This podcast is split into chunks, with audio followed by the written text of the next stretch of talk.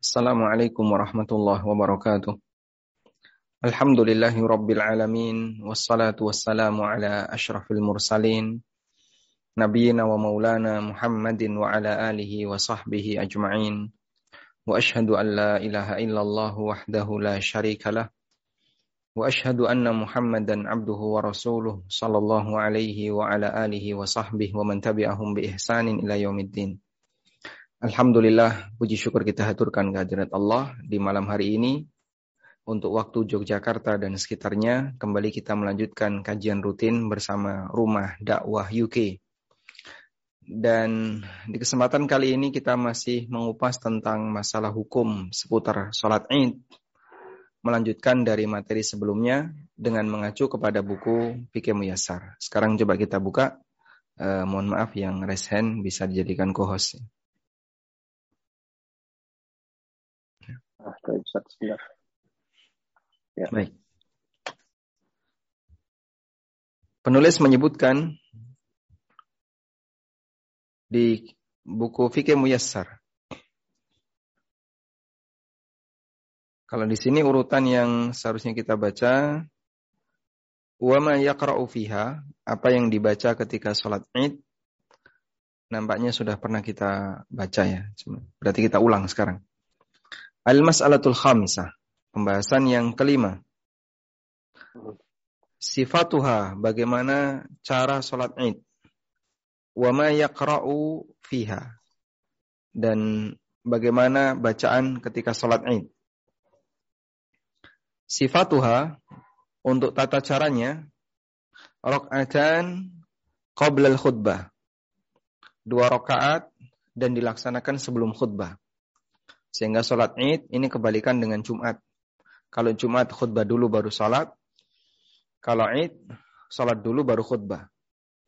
Wa awwalu man qaddama al-khutbah ala salatil id Marwan Ibn Hakam. Dan dulu pernah ada kejadian orang, seorang raja, seorang penguasa mendahulukan khutbah sebelum sholat id. Sehingga dia menyampaikan khutbah dulu, baru setelah itu sholat id. Dan yang pertama kali melakukan itu adalah Marwan Ibnul Hakam. Sebagian riwayat menyebutkan bahwa yang pertama kali melakukan khutbah sebelum sholat id adalah Uthman bin Affan. Dan praktek ini jelas praktek yang tidak benar. Karena yang lebih sesuai sunnah, khutbah id itu dilakukan Eh, setelah melaksanakan sholat id. Baik. Likaulihi Umar berdasarkan pernyataan Umar radhiyallahu anhu, salatul fitri wal adha rak'atan. Salat Idul Fitri dan Idul Adha itu dua rakaat. Rakaatan rakaatan masing-masing dua rakaat. Tamamun ghairu qasrin dan itu salat yang sudah sempurna bukan dikosor ala lisani nabiyikum sesuai dengan keterangan nabi kalian sallallahu alaihi wasallam. Lalu Umar mengatakan qad khaba man iftara. Dan sungguh celaka orang yang membuat-buat hal yang baru. Sehingga dia nambah-nambahi jumlah rakaat salat Id. Dan walhamdulillah praktek di dunia sampai saat ini salat Id dikerjakan dua rakaat. Selanjutnya, yukabbiru fil ula ba'da takbiratul ihram wal istiftah wa qabla ta'awudhi sittan. Melakukan takbiratul ihram, melakukan takbir fil ula di rakaat yang pertama, setelah takbiratul ihram wal istiftah dan setelah membaca doa iftitah wa qabla ta'awud dan sebelum membaca ta'awud. Coba kita lihat ya urutan dalam pelaksanaan sholat wajib. Takbiratul ihram, membaca doa iftitah, ta'awud, bismillahirrahmanirrahim, al-fatihah. Alhamdulillahi rabbil alamin. Ini urutan yang kita lakukan ketika sholat wajib. Allahu Akbar. Lalu kita membaca doa iftitah. Allahumma ba'id baini wa baina khataya ya kama ba'adta bainal masyriqi wal maghrib. Atau doa iftitah yang lain. Setelah itu kita membaca ta'awud. A'udzubillahi minasyaitonirrajim. Setelah itu kita membaca surat Al-Fatihah dari bismillah. Bismillahirrahmanirrahim. Alhamdulillah sampai akhir dari Al-Fatihah. Itulah yang kita kerjakan pada waktu kita melaksanakan sholat wajib. Nah ketika sholat id, ketika sholat id, takbiratul ikhram, Allahu Akbar. Lalu membaca doa iftitah. Setelah itu membaca takbir zaidah, enam takbir. Di sini penulis menyebutkan sitan dibaca enam. Dan bacaan takbir tambahan ini sebelum ta'awud. Allahu Akbar. Lalu membaca doa iftitah. Biar nggak terlalu panjang, bisa membaca Allahu Akbar kabira walhamdulillahi katsira wa subhanallahi bukrata wa asila. Lalu Allahu Akbar sebanyak enam kali. Kemudian a'udzu billahi minasyaitonir rajim. Lalu membaca Al-Fatihah. Berarti di sini penulis kenapa e, menyatakan enam karena takbiratul ikhram dihitung satu. Sehingga tujuh di rokaat yang pertama, takbiratul ikhram masuk sebagai salah satunya. Wa fi tsaniyati qabla al-qira'ati khamsan ghaira takbiratil qiyam. Sementara untuk rokaat yang kedua, membaca takbirnya lima kali qabla al-qira'ah, sebelum baca al-fatihah ghaira takbiratil qiyam tapi tidak dihitung untuk takbir intikal berdiri. Selain takbir intikal sehingga ketika berdiri maka posisi ber, uh, takbir ketika menuju berdiri ini tidak dihitung. Berarti totalnya ada enam dengan takbir intikalnya. Berdasarkan hadis Aisyah secara marfu, beliau mengatakan, At-takbiru fil fitri wal adha fil ula sab'u takbiratin wa fi tsaniyati khamsu takbiratin siwa takbiratir ruku. Kata Aisyah radhiallahu anha bahwa takbir ketika Idul Fitri dan Idul Adha untuk rokaat yang pertama tujuh takbir. Rokaat yang kedua lima takbir. Selain dua takbir ruku. Dua takbir ruku adalah takbir menuju ruku. Itu tidak dihitung. Wallahu alam. Dan dohirnya, wallahu alam, pendapat yang lebih kuat. Bahwa takbir ketika sholat id 7 dan 5, itu selain takbir bawaan sholat. Takbir bawaan sholat, ada takbiratul ikhram. Ada takbir intikal, itu takbir bawaan sholat. Artinya dia dilakukan dalam sholat apa pun. Sehingga 7 dan 5 itu adalah takbir tambahan, dan itu dikerjakan selain takbir bawaan. Kita tegaskan di sini bahwa takbir Eid di situ ada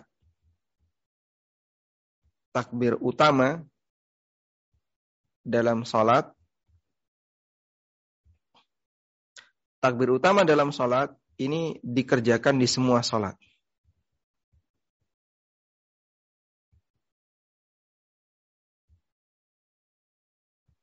salat wajib, salat sunnah dan yang lainnya seperti takbiratul ikhram, takbir intikal. Yang kedua adalah takbir tambahan. Takbir zaidah. Dan ini tumo, pitulimo ya. Tujuh rokaat pertama, lima rokaat yang kedua.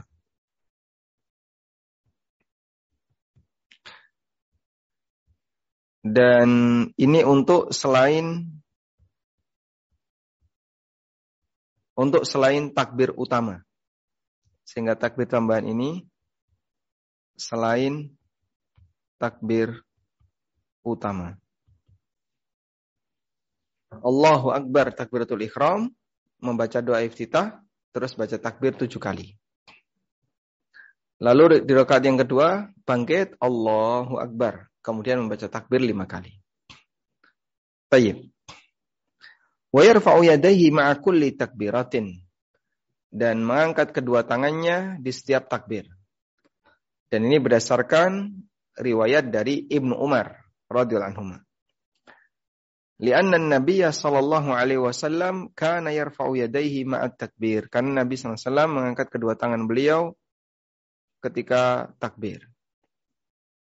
Thumma yaqra'u ba'dal isti'adah jahran. Kemudian setelah membaca ta'awud, surat Al-Fatihah dibaca keras. Bi ghairi khilaf, kata penulis, tidak ada perbedaan pendapat ulama dalam masalah ini.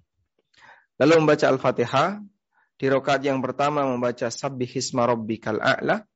Di rakaat yang kedua membaca Al-Ghashiyah. Sebagaimana keterangan sahabat Samurah radhiyallahu anhu, kana Nabi sallallahu alaihi wasallam yaqra'u fil 'idaini Sabbihisma Rabbikal A'la wa hal ataka hadithul Ghashiyah. Wa sahha anhu dan terdapat riwayat yang sahih dari beliau annahu kana yaqra'u fil ula di rakaat yang pertama beliau membaca surat Qaf wal Qur'anil Majid dan di rakaat yang kedua beliau membaca Iqtarabatis sa'atu wan syaqqal qamar. Membaca surat Qaf dan membaca surat Al-Qamar. Fayura'a al-ityanu bihadha marratan. Maka dianjurkan untuk melakukan praktek pertama marratan di sesi satu atau di sholat id pertama, wahada marratan dan kadang melakukan praktek yang kedua di kesempatan yang lain, amalan bis sunnah dalam rangka untuk mengamalkan sunnah. Ma'a mura'ati dzurufil musallin fayakhudhuhum bil arfaq. Dengan memperhatikan apa yang terjadi pada orang yang sholat, kondisi, dengan memperhatikan kondisi para jamaah dan ambil yang lebih ringan. Kalau pakai surat Qaf dan surat Al-Qamar ya, mungkin di tempat kita terlalu panjang. Ya. Tayyib. Al-mas'alatus sadisa. Kita sekarang masuk pada materi yang keenam. Maudiul khutbah. Tentang posisi khutbah. Posisi khutbah untuk sholat id adalah setelah sholat. Berdasarkan keterangan Ibnu Umar radhiyallahu anhu, karena Nabi sallallahu alaihi wasallam wa Abu Bakrin wa Umar yusalluna al-idaini qabla al-khutbah. Nabi sallallahu alaihi wasallam, Abu Bakar dan Umar mereka sholat id sebelum khutbah. Dan tadi kita sebutkan orang yang pertama kali eh, membalik kondisi ini sehingga khutbah dulu baru salat Id adalah Marwan bin Hakam. Karena Marwan ketika itu ketika khutbah ditinggal. Jadi eh, sebagian menjelaskan pada waktu Marwan itu sholat Id dulu terus khutbah Id itu banyak makmum yang bubar. Akhirnya dia membuat kebijakan khutbah dulu baru sholat. Al-mas'alatu sabi'ah. Materi yang ketujuh. Qada'ul idain. Mengkodok salat id. La yusannu tidak dianjurkan liman fatathu salatul idain qada'uha. Tidak dianjurkan bagi orang yang ketinggalan salat id untuk mengkodoknya. Karena tidak terdapat dalil akan hal ini dari Nabi sallallahu alaihi wasallam. Wali'annaha salatu dzati ijtima'in muayyanin. Selain itu salat Id adalah salat yang dilakukan dengan ya, kondisi berkumpul muayyan yang dilakukan dengan kondisi berkumpul. Fala tushra'u illa ala hadzal wajh maka tidak disyariatkan untuk melakukannya kecuali dengan cara seperti ini, yaitu kumpul. Sehingga tidak ada sholat id sendirian itu tidak ada. Dan tidak ada sholat id tanpa berkumpul. Cuma satu keluarga sholat id, tidak bisa. Karena sholat id adalah sholat yang dilakukan bil ijtima dengan adanya perkumpulan, dengan adanya jamaah. Sehingga tidak bisa dilaksanakan sendiri-sendiri. Baik, Meskipun kita mengakui ada sebagian ulama uh, yang menganjurkan untuk mengkodok salat id. Coba kita buka di sini. mengenai kodok salatul idain. Salatul idain fardu kifayah. Idza qama biha may yakfi saqatal itsmu anil baqin. Salat Id adalah fardu kifayah apabila sudah dilakukan oleh sebagian kaum muslimin maka yang lain dosanya jadi gugur. Kemudian wa fi suratil mas'ul anha dari apa yang ditanyakan hasala adaul fardi minal ladina sallu awalan telah ditunaikan kewajiban bagi mereka yang sholat pertama, alladzina khataba bihimul imam. Yang di situ ada khutbah imam. Wa man fatathu wa ahabba qada'aha dan siapa yang ketinggalan lalu pengen mengkodoknya ustuhibba lahu dzalik dianjurkan untuk melakukan itu. Wa yusalliha ala sifatiha. Dia bisa kerjakan sesuai dengan tata cara salat Id min duni khutbatin tanpa khutbah setelahnya. Wa bihadza qala al-Imam Malik wa Syafi'i wa Ahmad wa Nakhai wa ghairihim wa ghairuhum min ahli ilmi. Dan ini merupakan pendapat Imam Malik, Asy-Syafi'i, Ahmad, Ibrahim An-Nakhai dan para ulama yang lainnya. Sehingga kita mengakui justru kita lihat di sini jumhur dari ulama empat madhab menganjurkan bagi mereka yang ketinggalan sholat id agar dikodok. Dan dalil tentang adanya kodok adalah hadis Nabi SAW. Ida ataitumus salata famsu alaikum as-sakinah. Kalau kalian mendatangi sholat, lakukanlah dengan jalan kaki dan tenang. Alas sakinati wal waqar, tenang. Fama adraktum fasallu. Apa yang bisa kalian kejar, kejar. Wa ma fatakum faqdu dan apa yang ketinggalan ya silahkan dikodok. Dan diriatkan dari Anas radhiyallahu anhu, annahu idza kana fatathu salatul Id. Anas kalau ketinggalan salat Id bersama imam, jama'a ahlahu wa mawalihi. Maka beliau pulang. Lalu beliau kumpulkan keluarganya. Dan mawalinya, budak-budaknya. Thumma qama Abdullah bin Abi Utbah maulahu fayusalli bihim. Lalu Abdullah bin Abi Utbah, salah satu budaknya Anas, menjadi imam bagi mereka, salat dua rakaat, biru fihima, dan bertakbir di dua salat tadi. Maksudnya ada tambahan takbir sebagaimana salat id secara berjamaah. Allahu Akbar, Allahu Akbar, tujuh dan lima tadi. Baik, ini sebagai perbandingan kalau di sini penulis mengatakan tidak perlu kodok, namun jumhur ulama uh, mengatakan dianjurkan untuk kodok. Al-mas'alatu tsamina. Materi yang kedelapan. Sunanuha. Sunnah-sunnah ketika id. Dianjurkan untuk melaksanakan sholat id fi makanin bariz. Di tempat terbuka. Wawasi yang luas. Karena fungsinya adalah untuk menampakkan syiar Islam. Kharijal balad. Ya, bila perlu di luar kampung. Jangan berada di dalam kampung. Yastami'u fihil muslimun. Di tempat itu kaum muslimin berkumpul liidhari hadhi syairah agar menampakkan syiar ini. Sehingga biar kelihatan besar umat ini maka mereka dianjurkan untuk melaksanakan sholat id. Wa idza suliyat fil masjid liudrin fala ba'sa bidzalika. Tapi kalau dikerjakan di masjid karena ada udur tidak masalah. Wa yusannu taqdimu salatil adha wa ta'khiru salatil fitri. Untuk salat Idul Adha dianjurkan agar disegerakan. Sementara untuk sholat Idul Fitri dianjurkan agar di uh, ditunda, ditakhir, ditunda. Sehingga untuk sholat Idul Adha dipercepat. Misalnya jam 6 sudah sholat. Yang penting pokoknya sudah syuruk, sudah sholat. Itu Idul Adha. Tujuannya apa? Biar orang bisa segera pulang untuk ngurusi hewan kurbannya sehingga selesai tanpa nabrak waktu zuhur. Sedangkan sholat Idul Fitri itu ditunda. Tujuannya apa? Memberi kesempatan bagi kaum muslimin agar mereka bisa menyelesaikan pembagian zakat fitrahnya. Kama taqaddama bayanu dzalika 'indal kalami ala an waqtiha.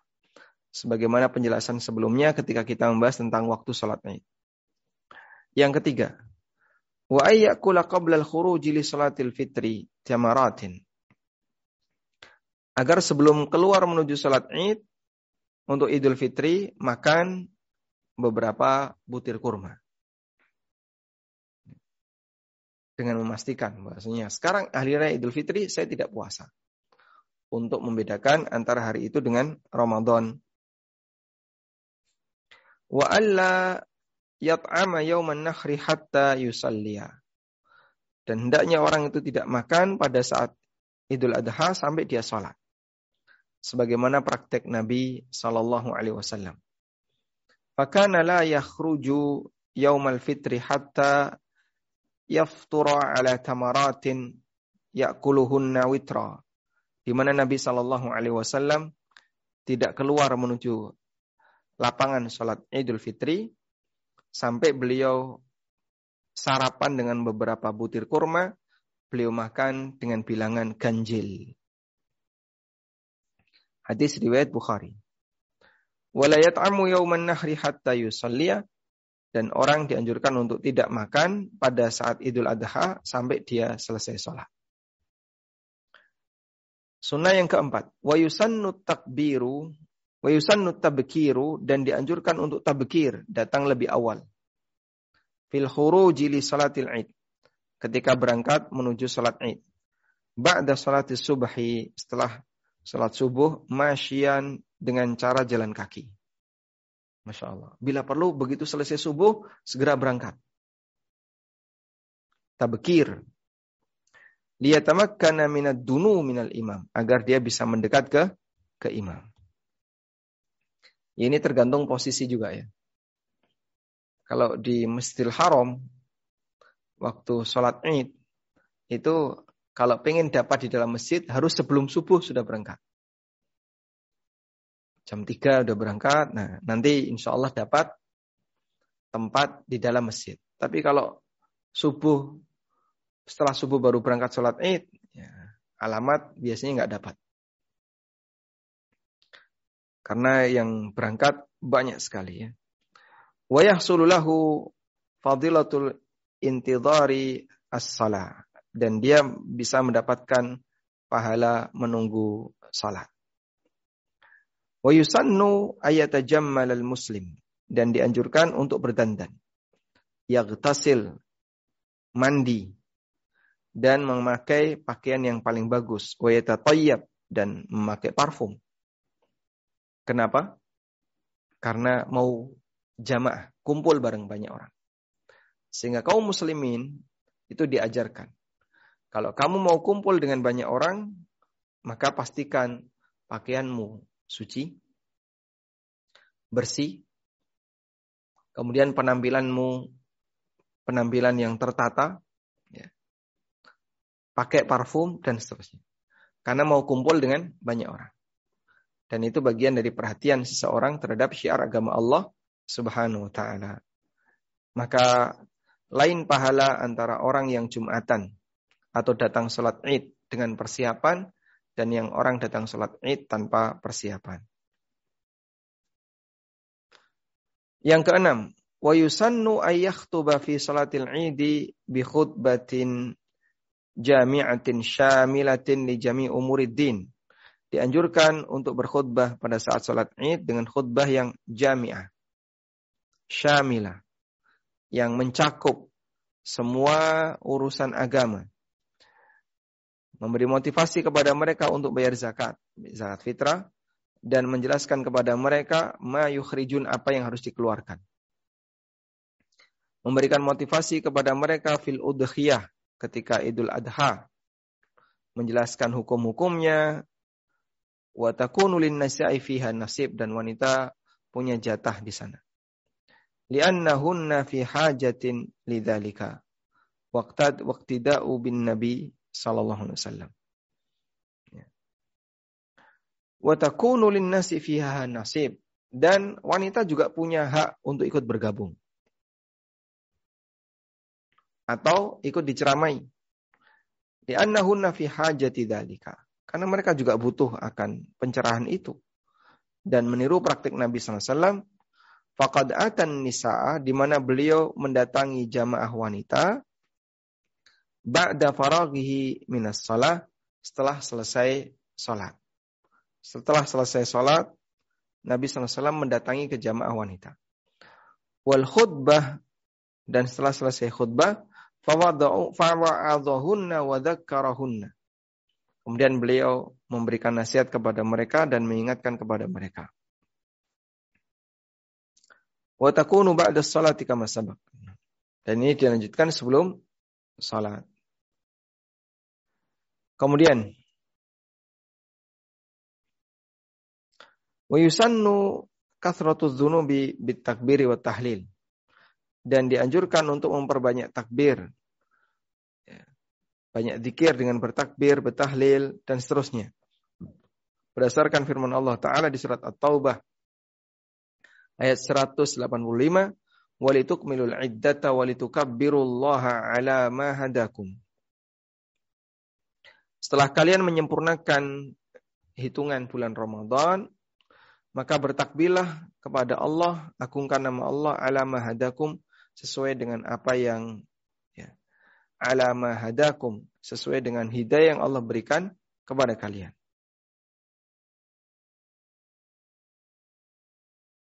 Baik. Kemudian yang kedelapan. Wa yajharu bihir rijal takbiran dikeraskan oleh pihak laki-laki fil buyut ya, di rumah, di masjid, di jalan, di pasar wa yusirru nisa. Sementara untuk wanita dibuat sir, dibuat pelan. Sehingga yang wanita tidak perlu takbir teriak-teriak, tapi pelan. Yang laki-laki dianjurkan untuk dikeraskan. Kemudian yang kedelapan, sunnah yang kedelapan, mukhalafatut tariq. Ya, mengambil jalur yang berbeda antara berangkat dan pulang. Fayadhabu ilal aini min tariqin. Wa yarji'u min tariqin akhar. Li hadithi Jabir radhiyallahu anhu, kana an-nabiy sallallahu alaihi wasallam idza kana yawma 'idin khalafat tariq. Baik. Yang kedelapan, mengambil jalur yang beda. Sehingga saat berangkat, ngambil jalur A, dan pulang ngambil jalur B. Berdasarkan hadis Jabir radhiyallahu anhu, Nabi Shallallahu Alaihi Wasallam ketika salat Id khalafat tarik beliau ngambil jalur yang berbeda. Dan ada yang mengatakan di antara hikmah akan hal itu adalah liyashhada lahu tariqani jami'an. Di antara hikmahnya adalah agar orang menyaksikan bahwa lahu at-tariqani jami'an. Bahwasanya uh, orang ini punya dua jalur. Wakil li idhari syairatin dan ada yang mengatakan ini untuk menampakkan syiar. Islam fihima di dalamnya. Wala ba'sa bitahni'ati an-nasi ba'dahum ba'don yaumal id.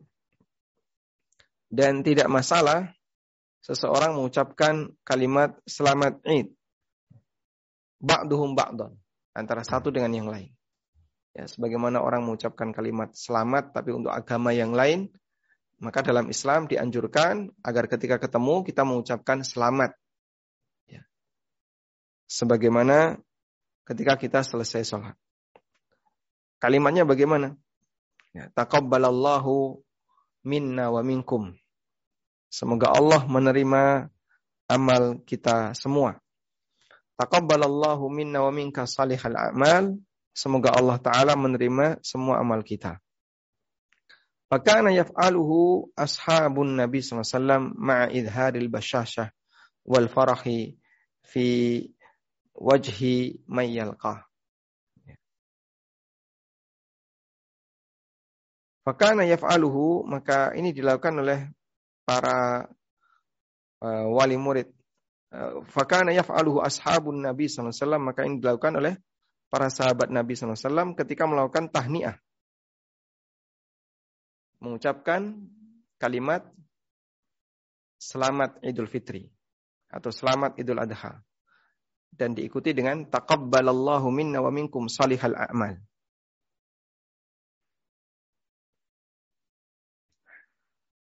At-tahni'ah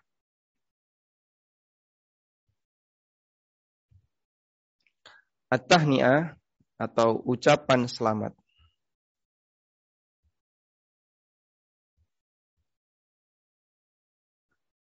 Ini disyariatkan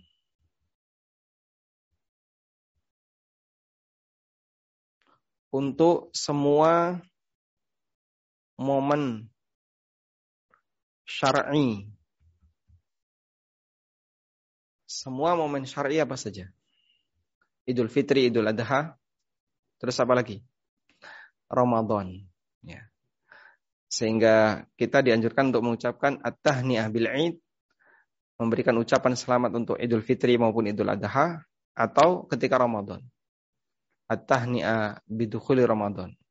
Selamat hari raya Idul Fitri, selamat hari raya Idul Adha, selamat datangnya bulan Ramadan.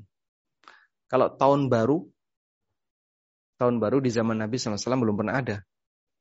Di zaman Abu Bakar juga belum pernah ada. Maka untuk bisa disebut momen syar'i, ya tidak ada dalil Al-Quran maupun hadis yang menyebutkan tentang keberadaan tahun baru.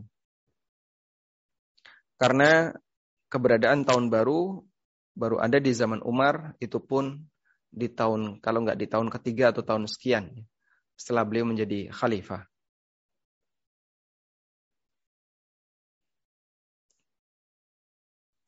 Dan untuk Id ketika ketemu dianjurkan saling mendoakan. Taqabbalallahu minna wa minkum salihal amal. Semoga Allah menerima amal saleh diriku dan kalian. Dan ini dilakukan oleh para sahabat radhiyallahu anhum ma'idharil basyasha wal farah fi wajhi man yalqa dengan menampakkan wajah semeringah wajah ceria wajah senyum ke arah orang yang dia jumpai, mayyalqah, orang yang dia jumpai. Sehingga ketemu orang sambil tersenyum. Taqabbalallahu minna minkum salihal a'mal. Taqabbalallahu minna minkum salihal a'mal. Kalau ucapan yang lain boleh nggak Pak? Contohnya, selamat Idul Fitri. Boleh. Kalau ucapan yang lain, minal a'idin wal faizin. Insya Allah tidak masalah. Al-a'idin artinya orang yang kembali. Al-faizin artinya orang yang menang. Tapi kalau mau diisi doa, insya Allah lebih bagus. Yaitu kalimat taqabbalallahu minna wa minkum. Semoga Allah menerima amal kita. Walhamdulillahi rabbil alamin. Selesai untuk salat Id, kita beralih ke salatul istisqa. Bab yang ke-13 fi salatil istisqa. Mengenai salat istisqa. Istisqa artinya minta minum. Tolabus suqya. Istisqa. Itu sama dengan tolabu as-suqya. Minta minum. Sehingga disebut sebagai sholat istisqa karena pada saat orang sholat istisqa dia minta diberi hujan oleh Allah Ta'ala yang itu merupakan sumber minuman bagi bagi masyarakat bagi makhluk hidup yang ada di bumi. Al-mas'alatul ula ta'rifuha wa hukmuha wa dalilu dzalika. Materi yang pertama tentang pengertian, hukum dan dalilnya. Pengertiannya. Istisqa huwa talabus saqi. Istisqa adalah minta minum dari Allah Subhanahu wa taala. Inda hajatil ibad ilaih. Ketika ada kebutuhan dari para hamba untuk minta minum. ala sifatin makhsusah dengan cara tertentu. Wadzalika idza ajdabat al-ardu. Dan ini terjadi ketika tanah kering. Wa qahatal matar. Dan jarang hujan. Qahtun artinya kering. Li'annahu la yasqa wa la yanzul ghaith ila Allah. Karena tidak ada yang bisa memberikan air hujan dan tidak ada yang menurunkan air hujan kecuali Allah Ta'ala semata. Allah yang mengatur semuanya. Baik, hukmuha mengenai hukumnya. Hukum salat istisqa adalah sunnah muakkadah. Dan ada sebagian mengatakan fardu kifayah. Tapi pendapat yang lebih mendekati bahwasanya salat istisqa sunnah muakkadah. Berdasarkan keterangan Abdullah bin Zaid, kharaja Rasulullah sallallahu alaihi wasallam yastasqi fatawajjaha ilal kiblah. Nabi SAW meminta istisqa lalu beliau menghadap ke arah kiblat. Yad'u wa hawwala rida'ahu. Beliau berdoa. Wa hawwala rida'ahu. Kemudian beliau membalik rida beliau. Beliau membalik ridanya. Apa itu rida? Rida adalah pakaian orang ihram bagian atas ini adalah rida. Wa qallaba ridaahu Nabi SAW membalik ridanya artinya membalik bagian atasnya. Jadi dibalik. Nah, sekarang kalau yang dipraktekkan oleh para masyayikh yang dibalik itu mislah.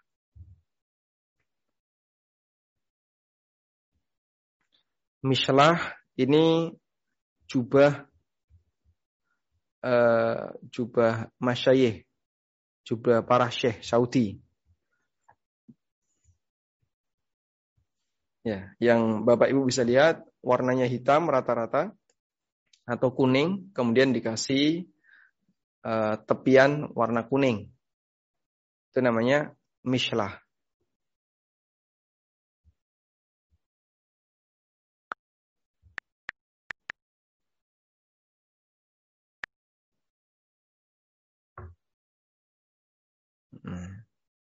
Ini adalah mislah.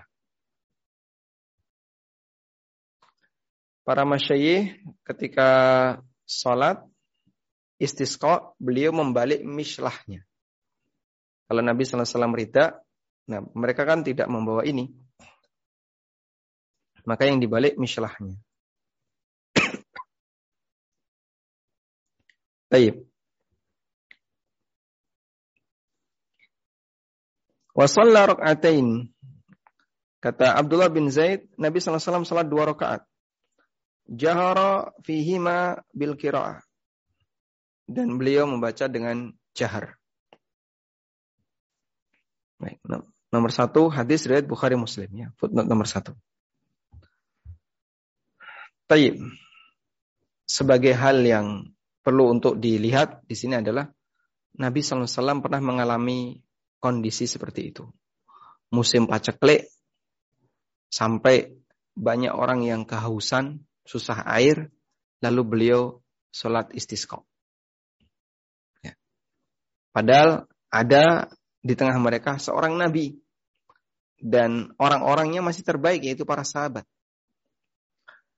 Karena itu tidak jaminan ketika masyarakatnya itu masyarakat yang soleh, ya, masyarakat yang baik, kemudian nanti banyak hujan atau makanan melimpah, tidak jaminan demikian. Bahkan Nabi SAW pernah mengalami kesulitan untuk mendapatkan air. Akhirnya beliau melakukan istisqa. Al-mas'alatu tsaniyah, pembahasan yang kedua. Mengenai sebabnya. Sebabnya adalah kekeringan. Wahwa inhibasul matar, yaitu hujan tertahan.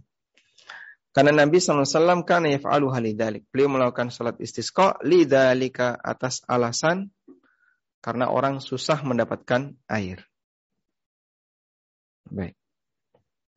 Ya meskipun tidak harus melalui salat.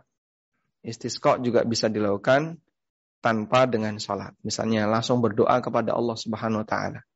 Seperti yang pernah terjadi, beliau sedang berkhutbah.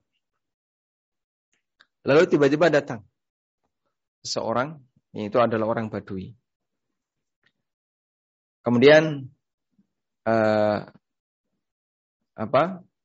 Ketika beliau sedang berkhutbah Jumat, orang Badui datang dan mengatakan, "Ya Rasulullah, halakatil amwal wangqata'atis subul fada'ullaha lana ya Rasulullah banyak binatang yang mati kemudian tanah-tanah itu jadi tandus ya, tidak bisa dilewati maka berdoalah kepada Allah. Kemudian Nabi SAW langsung berdoa, Allahumma agithna, Allahumma agithna. Ya Allah turunkanlah hujan untuk kami. Kata Anas bin Malik radhiyallahu anhu, langit yang awalnya cerah, awalnya cerah, tiba-tiba datang mendung bergulung-gulung. Ya. Mendung bergulung-gulung, lalu hujan di Madinah. Dan hujannya Masya Allah nggak tanggung-tanggung. Sepekan. Sampai Jumat berikutnya, Nabi SAW berkhutbah. Datang orang Badui yang sama. Dan Badui ini mengatakan, halakatil amwal wangkota atis subuh. Banyak binatang yang mati kebanjiran dan jalan-jalan juga terputus karena banjir. Sehingga awalnya dia datang mengadukan seperti itu, hujan terus, dia juga mengadukan seperti itu. Itulah manusia ya. Akhirnya Nabi SAW berdoa, Allahumma hawalaina wa alaina. Ya Allah, sekitar kami dan jangan diturunkan di atas kami. Wallahu alam. Selanjutnya, waktuha mengenai waktu dan tata caranya. Waktu sholat istisqa dan tata caranya sebagaimana sholat id. Berdasarkan keterangan Ibnu Abbas radhiyallahu anhu, sholat Nabi sallallahu alaihi wasallam rakaataini kama yusalli fil idain. Nabi SAW melaksanakan sholat dua rakaat sebagaimana beliau sholat fil idain ketika Idul Fitri dan Idul Adha. Dan dianjurkan untuk dilakukan uh, fil musalla dilakukan di tempat terbuka. Seperti sholat id. Wa tusalli rakaatin dan dikerjakan dua rakaat. Dikeraskan bacaannya kasolatil id seperti sholat id. Dan ini sholat istisqa, jadi caranya sama seperti sholat id. Dan sholat istisqa dilakukan sebelum khutbah. Demikian pula ada adadut takbirat, takbirnya berbilang dan bacaannya. Maka boleh istisqa minta hujan ala ayyi sifatin kanat dengan cara apa pun orang berdoa fayastaski fi salatihi idza sajada. Dia bisa minta sesuatu ketika dia sujud. Wayastaski al-imamu al-mimbar fi salatil Jumat. Dan imam bisa minta uh, imam bisa melakukan istisqa di atas mimbar ketika sholat Jumat. Fakat istasqan Nabi SAW alal mimbari yaumal Jum'ah. Karena Nabi SAW pernah melakukan itu. Beliau melakukan istisqa di atas mimbar. Tapi dengan doa. Bukan dengan sholat. Wallahu alam. Baik, ini masih cukup panjang. Berkaitan dengan al-khuruju ilaiha. Berangkat menuju sholat istisqa. Dan dianjurkan sholat istisqa itu di luar daerah. Sehingga tujuannya ya, agar menampakkan syiar agama Islam dan juga memastikan bahwa eh, apa yang dilakukan oleh kaum muslimin ketika sholat istisqa adalah sebagai bentuk perjuangan bersama. Ya, maka dilakukan di luar. Wallahu alam. Wassallallahu ala.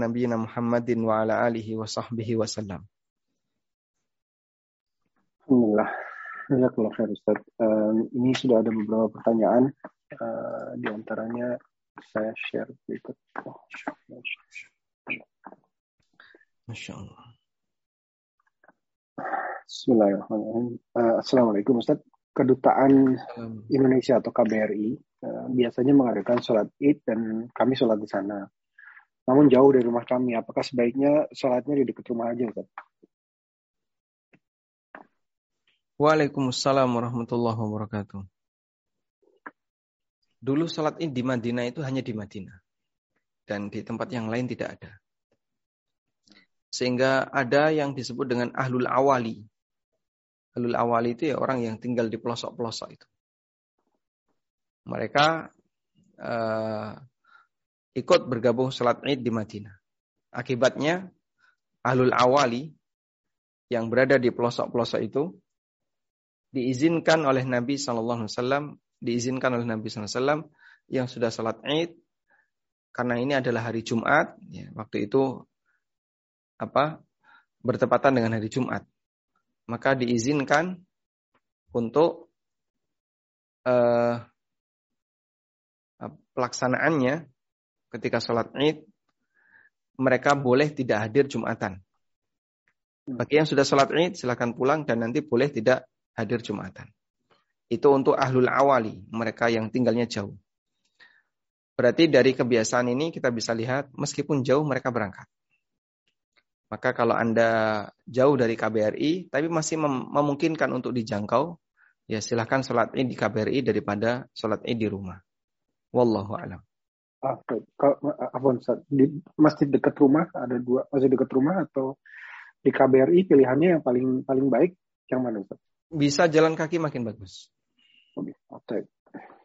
Kalau dua-duanya nggak bisa Pak, harus pakai kendaraan ya sudah pilih yang terdekat dalam rangka untuk menyamar, menyamarakkan syiar di situ. Di London sholat id boleh Pak? Boleh, boleh. Di tempat ada beberapa tempat ada yang di, di lapangan terbuka, hmm? di banyak kok di lapangan terbuka tuh banyak sekali.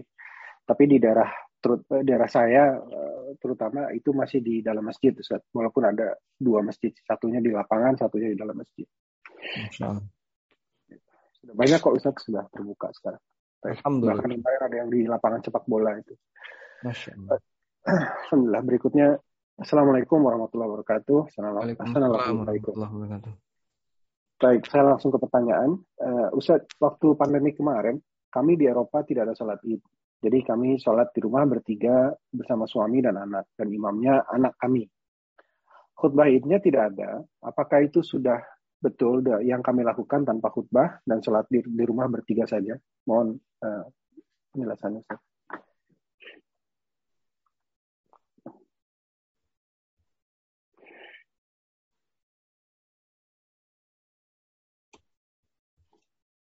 Tadi ada riwayat dari Anas bin Malik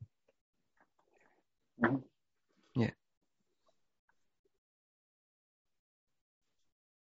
Sudah kita angkat tadi keterangan dari Anas bin Malik radhiyallahu anhu bahwa Anas ketika ketinggalan sholat Id maka beliau sholat di rumah hmm.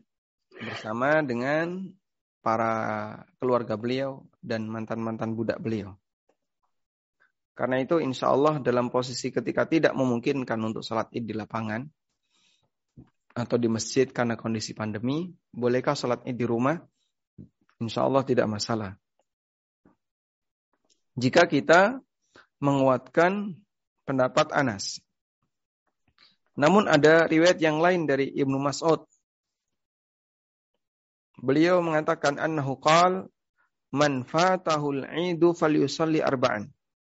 Wa man fatahul jum'ah falyusalli arba'an. Siapa yang ketinggalan sholat id, maka kerjakan sholat empat rakaat. Ya, kerja, ketinggalan sholat id, maka sholatnya jadi empat rakaat. Wa man fatathu al jum'ah falyusalli arba'an. Dan siapa yang ketinggalan sholat jum'ah, maka kerjakan sholat empat rakaat alias sholat duhur. Wallahu alam. Sehingga uh, kita bisa lihatnya apa yang dilakukan oleh para sahabat. Ada khilaf dalam masalah ini terkait masalah kodok tadi. Kalau Anas caranya sama. Tapi kalau Ibn Mas'ud sholat empat rakaat. Wallahu a'lam. Baik. Itu empat rakaatnya sesuai dengan seperti sholat zuhur ya Ustaz? Sama seperti sholat zuhur. Baik. Baik, saya lanjutkan ya Ustaz. Ini ada kebiasaan, Bismillah sebelum khatib naik, mimbar, uh, Bilal atau Muadzin membaca bacaan khusus seperti yang tertulis di slide begitu juga ketika sholat Jumat. Apakah ini termasuk sunnah atau bid'ah? Eh, Fungsi muadzin dalam Islam itu hanya adzan. Dan yang hmm. kayak gini itu ya kita bisa sebut baru sekali. Hmm. Dan tidak semua masjid punya. Hmm. Sehingga nampaknya ya kebiasaan sebagian masjid. Oleh karena itu uh, mengingat ini adalah hal yang sifatnya kebiasaan, maka kita sarankan kepada para muadzin untuk tidak melakukan seperti ini. Dan dalam sholat ini tidak perlu ada azan. Hmm. Kalaupun mau dilakukan zikir yang syar'i, takbiran. Bukan baca la ilaha illallah. Ya, sebab takbiran diperintahkan ketika hari raya. Wallahu alam. Baik, ini ada pertanyaan agak sesambung ke berikutnya. Assalamualaikum warahmatullahi wabarakatuh. Di bawah ini ada kata kata sholat id di masjid dekat rumah ini di London. Bisa bisa terlihat ini Ustaz? Sholat id dekat rumah. Ya ini eh, tata caranya agak berbeda. Nih. Saya, saya coba share yang agak besar gambarnya nih Ustaz. Mm -hmm. Bisa kelihatan nggak nih? Oh ya bisa kelihatan lah. Baik, di sini sholat idnya seperti biasa. Jadi ini dalam bahasa Inggris ya, apa di sholat takbir pertama, lalu uh, menyilangkan tangan di dada, lalu kemudian takbir. Ini hanya dua kali, dua kali, tapi tangan dilepas di sisi. Ustaz. Jadi uh, saya ulang, takbir pertama dilipat, lalu takbir, tangan dilepas ke sisi, dua kali takbir, tangan dilepas ke sisi. Yang ketiga, takbir lagi, tangan dilipat. Lalu kemudian seperti biasa ruku, sujud, balik lagi. Uh, second yang kedua uh, ketika berdiri imam membaca surat Al-Fatihah dan surah. Kemudian takbir, tangan uh, ke sisi tiga kali lalu ruku dan sujud. Ini gimana Ustaz? Saya uh, insya Allah. Coba yang nomor empat itu maksudnya gimana tadi Pak? Jadi yang nomor empat itu kita sholat dulu ini Allahu Akbar. Ini yang kedua nih ya Ustaz ya. Pertama sudah tadi takbir biasa. Yang kedua Allahu Akbar. Tapi nggak dilipat Ustaz yang kedua. Nggak di... samping. Tidak dilipat. Nggak Tangannya dilipat. Tidak, ya. Tangan tidak dibiarin aja. Allahu Akbar. Ya. Oh, ke bawah lurus. Ya. Kedua lagi Allahu Akbar lagi simpan lagi di samping. Baru yang ketiga Allahu Akbar, baru samping, maka lalu imam membaca Al-Fatihah dan surah. Kemudian sholat seperti biasa, ruku, sujud, rakaat kedua setelah berdiri, eh, takbirnya setelah selesai membaca surat, takbir dulu saat tapi ke samping, nggak dilipat. Samping itu maksudnya gimana? Ke tangannya ke samping saat nggak nggak dilipat tangannya. Jadi begini Allah Akbar ke samping, dilepas tangannya. Allahu Akbar tangannya ke samping. Ya, tangannya ke Tidak samping. Sedekap. Tidak sedekap. Mm -hmm. Ini tiga kali takbir dengan begitu, lalu kemudian ruku. Di takbir yang ketiga langsung ruku. Oh, baik, paham. Ini gimana? Seperti yang dulu pernah kita sampaikan, Pak ya. Jadi Muslim UK, Muslim Amerika itu dominan yang Eh, banyak mewarnai adalah Diobandi, hmm. Pakistan. Ya, betul. Pakistani, India, Bangladesh, dan mazhab mereka itu Hanafi. Hmm. Sebentar.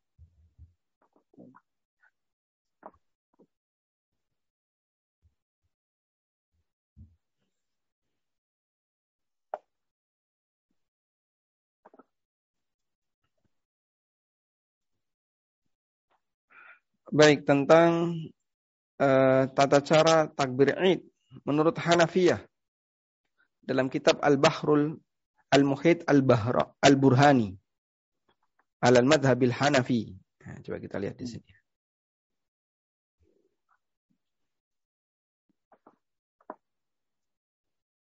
Ja'a fil muhit al-burhani al madhabil hanafi. Qala ashabuna.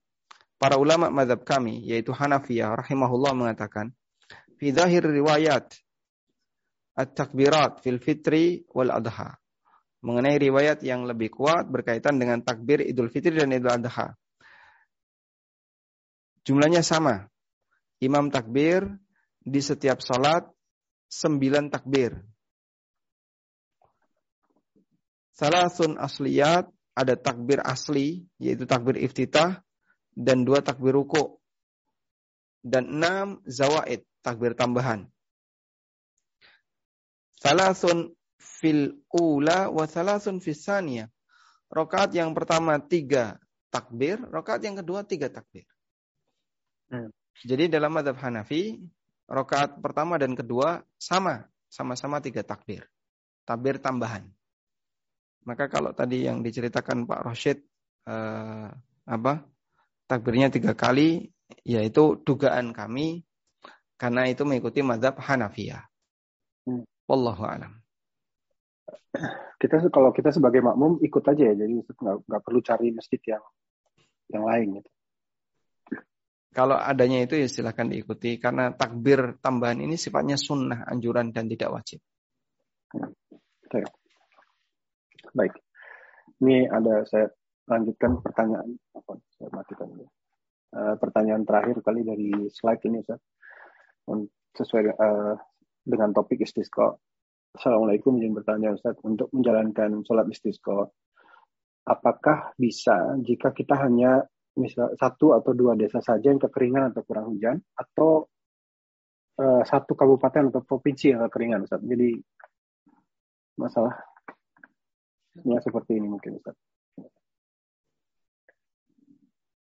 Kapan yang tepat untuk uh, waktu untuk mengadakan sholat istisqa?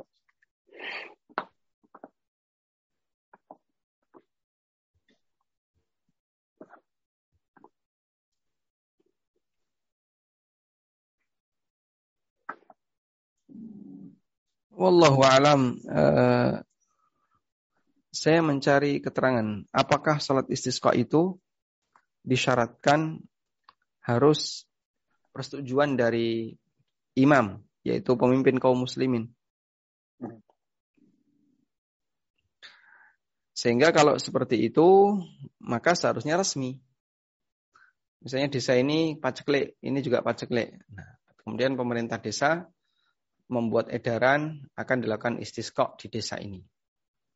Sehingga dia sebagai momen yang resmi dari negara. Ya, melalui para pejabat terkait yang menetapkan itu. Sehingga yang saya pahami wallahu alam dari hal ini maka uh, seharusnya untuk imam itu adalah atas instruksi dari pemerintah. Wallahu alam. Baik. Alhamdulillah Ustaz uh, khair. Ini kayaknya sudah sudah habis pertanyaan dan tidak ada yang bertanya langsung jadi uh, kita bisa mohon uh, apa namanya ringkasan dan kita tutup aja Ustaz. Baik. Uh, kita berada di oh, Bu. Ustaz ini ada ada yang terlambat ya. Masya Allah. Boleh Ustaz? Silakan, silakan. Silakan, maaf, maaf, karena tidak di dalam topik, makanya saya terakhir. Itikaf, hmm. Ustaz. Tolong terangkan dengan briefly aja.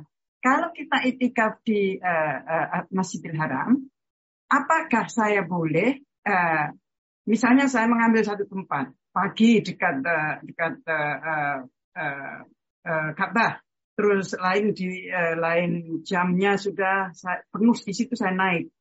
Apakah boleh begitu? Apakah harus Iktikaf itu tetap hanya satu tempat, walaupun keluar harus kembali ke situ lagi, misalnya kita ke kamar mandi dan lain-lain, kembali ke satu tempat. Itu itu saya ingin tahu. Jazakumullah khair. Barakallah fiqh. Kalau secara praktek ya, pindah tempat di Masjidil Haram bisa jadi malah nggak dapat. Kalau pas lagi iktikaf. Karena hampir semua orang ngampling tempat. Cuman begini, iktikaf itu apakah boleh pindah tempat? Jawabannya boleh. Yang penting masih di dalam masjid. Sehingga batasnya adalah tidak keluar dari masjid. Hanya saja dulu di zaman Nabi SAW iktikaf itu di dalam tenda. Jadi Rasulullah SAW ketika iktikaf beliau bangun tenda. Tendanya kayak gimana Pak? Ya, Wallahu alam yang jelas fungsi dari tenda itu adalah membatasi pergaulan. Membatasi interaksi. Sehingga saat Ramadan terakhir Nabi SAW itu tidak banyak berinteraksi dengan para sahabat tidak sebagaimana pada hari-hari sebelumnya. Maka Rasulullah SAW masuk di dalam mu'takif mu'takafihi, masuk di dalam tempat itikaf beliau dan beliau banyak bermunajat kepada Allah di situ. Sehingga tidak ada kegiatan yang sifatnya apa untuk publik tidak ada. Lebih kepada ibadah individual. Maka dalam posisi ini itikaf yang kayak gini lah yang yang paling ideal. Lebih kepada individual, ibadah individual. Tapi bagaimana kalau misalnya menuntut kita untuk pindah dan seterusnya? Ya, silakan pindah. Nah, silakan pindah dan cari posisi yang semakin aman. Makin aman makin bagus. Kalau dulu saya di Masjidil Haram pernah itikaf sekali, tapi enggak sampai komplit ya. Ya yang paling nyaman tempat itu di perpustakaan Masjidil Haram. Hmm. Naik lantai dua. Hmm. Itu sepi, kosong. Dan jarang orang. Tapi kalau ibu-ibu nggak bisa ya masuk perpustakaan. Nah, ya mungkin kalaupun pindah insya Allah tidak masalah. Wallahu alam. Alhamdulillah menjawab ya eh, Mbak Tati Alhamdulillah. Jadi kita bisa tutup sesi malam ini Ustaz. Eh, mohon ringkasan dan kita tutup. Taib, uh, berkaitan dengan tadi ya batasan satu desa atau dua desa, apakah diperbolehkan? Kami tidak mengetahui ada keterangan tentang itu. Namun kalau dikembalikan kepada urf, ya, bahwa sholat istisqa urfnya bagaimana? Urf itu artinya batasan kumpulnya. Ya, bisa satu desa, insya Allah bisa. Yang penting ada izin dari pemerintah yang sah. Silakan untuk melakukan sholat istisqa. Sebab ini ibadah jama'i. Dan ibadah jama'i seharusnya idealnya ada komando dari pemerintah. Wallahu a'lam. Walhamdulillahi rabbil alamin. Demikian yang bisa kita sampaikan. Dan insya Allah nanti kita akan lanjutkan kembali pembahasan fikih muyassar dengan mengangkat tema sholat istisqa. Dan materinya cukup penting bagi siapa pun kaum muslimin ya, yang membutuhkan bimbingan tentang sholat istisqa. Karena kita tidak tahu meskipun Anda di Jawa yang curah hujannya cukup tinggi. Namun dalam kondisi tertentu bisa saja seorang hamba diuji oleh Allah dengan kekeringan agar dia melakukan sholat istisqa. Baik, demikian yang bisa kita sampaikan. Semoga bermanfaat. Wassalamualaikum ala nabiyyina Muhammadin wa ala alihi wa sahbihi wasallam. Wa akhiru da'wana alhamdulillahi rabbil alamin. Wassalamualaikum warahmatullahi wabarakatuh. Waalaikumsalam warahmatullahi wabarakatuh. Alhamdulillah. Terima kasih uh, atas waktu dan ilmunya Ustaz khair dan juga kepada tim ANB. Insya Allah kita bertemu kembali di kajian berikutnya dari kami kami uh, kita mari kita tutup bersama dengan uh, eh, majelis. Subhanakallahumma wa bihamdika asyhadu an la ilaha illa anta astaghfiruka wa atubu ilaik. Kami mohon maaf jika ada kesalahan, kekurangan baik dalam sikap maupun perkataan. Insya Allah bertemu kembali. Barakallahu fikum. Wassalamualaikum.